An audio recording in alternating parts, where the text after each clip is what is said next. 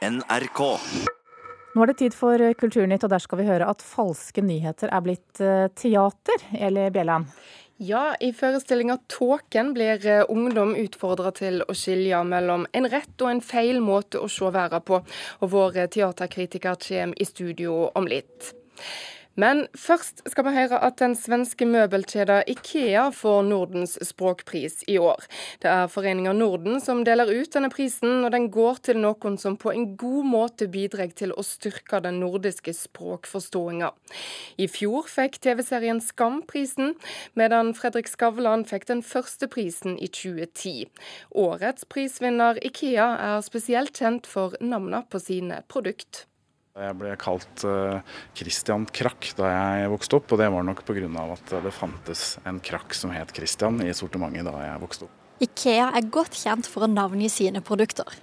Du har kanskje sittet på stolen Frode, hatt gardiner med navnet Dagny, eller sovet i en seng med navn Oppland. Kommunikasjonssjef i Ikea Norge, Christian Villanger, viser vei på Ikea-slependen. Da tror jeg vi kan kanskje finne en snarvei her. Ehm, nå er vi i eh, soveromsavdelingen. Det vil si at vi er eh, flankert av eh, Trysil og Brusali og Tyssedal. Og det er jo alltid morsomt da, å kunne snakke om at amerikanere og kinesere blir unnfanget i Trysil eller Vågå osv. Det at Ikeas produktnavn er godt kjent i utlandet, gjør nå at de får Nordens språkpris. Prisen går til noen som har bidratt til å styrke den nordiske språkforståelsen. Tidligere vinnere er bl.a. den svenske artisten Timbuktu, forskjellige skuespillere og politikere. I fjor gikk prisen til den norske dramaserien Skam. Ja, men da Da velger jeg å kalle deg drittsekk. I år er første gang prisen gis til en bedrift.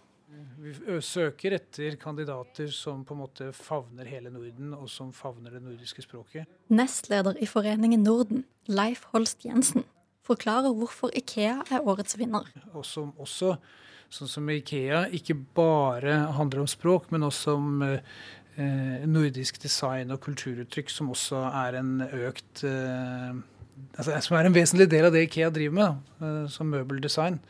Sånn at vi får en pris som kombinerer både språk og eh, en anerkjennelse av eh, nordisk kultur og nordisk design. Og det finnes over 400 Ikea-butikker over hele verden. Tilbake på slependen er det system i hvilke navn produktene får. Så Det er f.eks. da eh, norske stedsnavn som brukes på soveromsprodukter. Så er det jente- og guttenavn som blir brukt på tekstiler f.eks. Eh, danske stedsnavn på tepper. Ja, dette er en eh, en klappstol som er uh, både Terje og Frode og Nisse. Uh, det er skandinaviske guttenavn det går i her. Christian Krakk, nei unnskyld, jeg mener Christian Villanger, sier de unngår etternavn eller navn som betyr noe annet på andre språk. Spesielt når vi kommer ut med ny katalog, at eh, det er reaksjoner både positivt og negativt, eh, fordi folk eh, får et produkt knytta til sitt eget navn f.eks. Kan dere fortelle litt mer om hvorfor dere gjør det på den måten? Ja, Det sies at denne navngivningen oppsto i forbindelse med at Ingvar Kamprad har dysleksi og har problemer med lange tallrekker. Så når sortimentet økte og tallet artikkelnumrene ble, ble lengre og lengre, så, så, ønsket han å bruke navn eh, i stedet for. Ja, og Ingvar Kamprad er altså grunnleggeren av Ikea. Han sier han er takksom for prisen. Reporter her var Kristine Sterud. Edvard Munch-utstillinga 'Mellom klokken og sengen' er for tida i New York. Utstillinga har vært vist i San Francisco, og til våren kommer hun til Munch-museet her i Oslo. Kunne det vært en bedre veiviser til vår egen tid enn Munch, det spør en kunstmelder i New York Times. Velkommen, Jon Ove Steihaug. Du er avdelingsdirektør for utstilling og samling ved Munch-museet. Du har vært med på å lage utstillinga. Først til denne meldinga i New York Times. Nøyd med den? Ja, den var veldig fin, og den var uh, ganske sånn nyansert også, og positiv. Ja, Hvordan eh, var det å se det hele på plass? Du har vært og sett dette. Uh, det er selvsagt veldig flott å se vår egen kunstner, for å si det sånn, Edvard Munch, på Metropolitan Museum, som er et av de største museene i verden. Så det er jo et veldig flott selskap. Det var jo nettopp åpnet en utstilling med Michelangelo, f.eks., hans tegninger. Og det åpnet en uh, utstilling med Hockney bare noen dager etter, så det var jo et veldig sånn eh, flott selskap å være i. Det har vært det, Munch? Unnskyld? Ja, Munch har vært det, å være i et slikt absolutt, selskap. Absolutt. absolutt. Men det er på en måte ikke lenger noe problemstilling, da. Nei, og du har sett begge utstillingene i eh, USA. Hva endringer gjør museet fra stat til sted? På San Francisco Museum of Modern Art, jo, hvor, det, hvor den utstillingen også kom parallelt med at man nylig har eh, åpnet en ny utvidelse av hele museet som Snøhette har tegnet, så det var en slags ekstra um, interesse knyttet til det også. Så er det både i San Francisco og i New York for så vidt litt felles at det er en, det er jo en ganske uh, konsentrert utstilling. Det er bare rundt 40 malerier.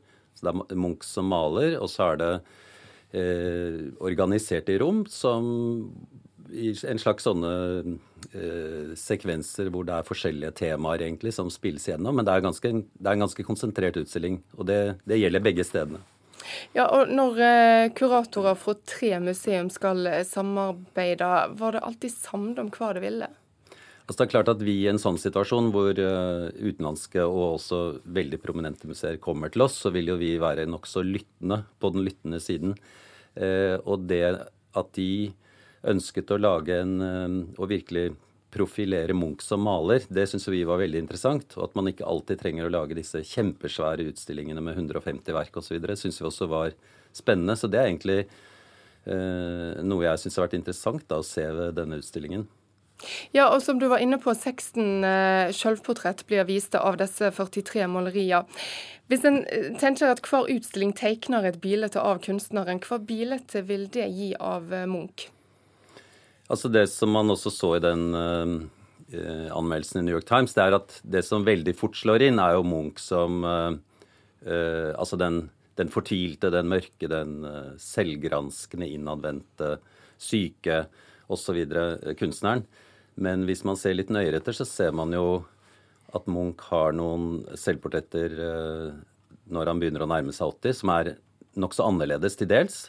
Hvor det også er en form for humor og en litt sånn galgenhumor også. Og um, man ser jo også den selvbevisste Munch. Han er jo også en slags uh, ja, meget selvbevisst posør. Uh, som kunstner og i selvportrettene sine også. I positiv forstand, ikke som en sånn ut, utvendig ting, men han vet litt hva han uh, er verdt, på en måte, veldig tidlig.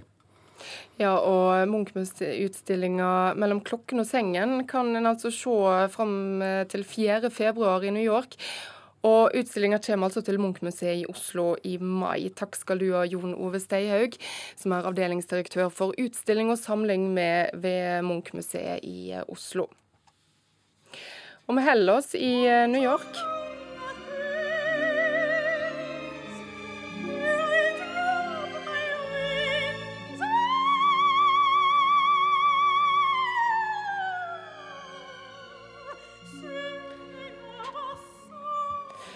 Ja, Dette vi hører her, er sopranen René Flemming sammen med Metropolitan Opera Orchestra, som blir dirigert av James eh, Levine. Sistnevnte er nå blitt suspendert fra jobben. Hvorfor det, reporter Thomas Alverstein Ove? James eh, Levine han er sistemann ut til å få en rekke anklager mot seg om eh, seksuell trakassering. I går ble han suspendert eh, fra jobben altså som dirigent for operaorkesteret ved Metropolitan. Der har han også vært musikalsk leder gjennom mer enn 40 år. Episoden han blir anklaget for, skal ha funnet sted fra 1960-tallet og til 1980-tallet. Og operaen har nå leid inn en egen etterforsker for å komme til bunns i, i hva som har skjedd. Og så skal vi høre at kampen om de digitale reklamekronene tilspisser seg. Nye utrekninger viser at Google og Facebook nærmer seg total kontroll digitalt. Forklar, Thomas. Ja, mer enn åtte av ti kroner som har blitt brukt på reklame på internett i løpet av året, går til de to nettgigantene Google og Facebook. Dette gjelder hele verden samlet, med unntak av Kina, fordi der er markedet så sterkt eh, regulert. Og det er mediebyrået Group M som kommer med disse beregningene i en pressemelding i dag. Veksten i det digitale reklamemarkedet i år er ventet å bli på ikke mindre enn 186 eh, Det betyr at det er enorme summer vi snakker om går, eh, som da går i lommen til disse to eh, aktørene. Kanskje et dumt spørsmål, men er det et problem? Group M, som da altså lever av å plassere reklame i de kanalene annonsørene vil ha oppmerksomhet, de mener det. For eh, tallene viser jo at aktører, uh, disse to aktørene, Google og Facebook, i all hovedsak får de nye pengene som skapes på internett. Og det ødelegger rett og slett det digitale økosystemet, som de kaller det, med en så sterk eh, konsentrasjon. Det skriver altså mediebyrået i dag. Takk skal du ha, reporter Thomas Alverstein Ove. Kan en lage teater om falske nyheter? Vår kritiker har vært på teaterfestivalen Showbox i Oslo og fått med seg premieren på forestillinga 'Tåken', Sherlocks siste sak, som handler om vår oppleving av hva som er sant. Vi skal eh, først høre litt fra forestillinga. Tåken. Sherlock Holmes' 23. sak. Det hele startet en mørk, stormfull og ikke minst tåkefull natt ved Highgate gravlund. Ja, her hører med Sveinung Oppegård som dr. Watson, assistenten til Sherlock Holmes. Karen Frøsland Nystøyl, teaterkritiker her i NRK. Hva er fellesnevneren mellom falske nyheter og Sherlock Holmes? Det handler vel om hvordan man forholder seg til sannheten. Dette stykket er laga av, av teatergruppa Robsrud og Din, og de har i flere år hatt uh, laga teater for barn og ungdom og voksne, der de har uh, hatt teater som forskningsmetode. Og i Tåken så handler det om um, fins det en riktig eller gal måte å se verden på, og da bruker de um, historier om hunden fra Baskerville og Sherlock Holmes, da, som vi hørte. Og dette er teater for uh, ungdom fra 13 år og oppover. Det er ei interaktiv forestilling.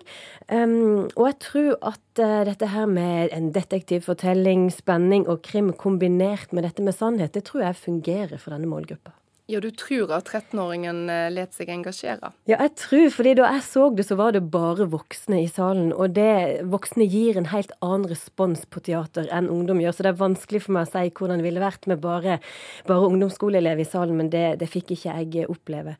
Det som eh, denne teatergruppa har gjort, det er et veldig nøye arbeid. Alt fra at det lusker en hund rundt i kulissene, til en veldig variert form eh, med teaterteknikk og alt.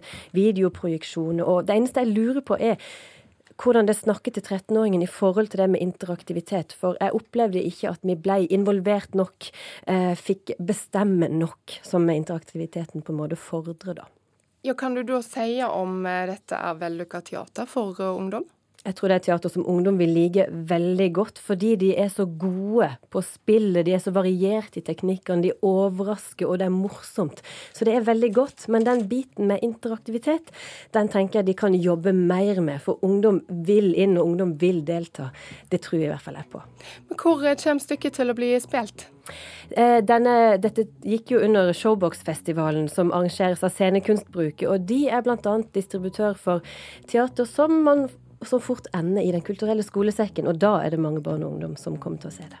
Takk skal du ha, Karen Frøsland Nystøyl. Du har hørt en podkast fra NRK P2.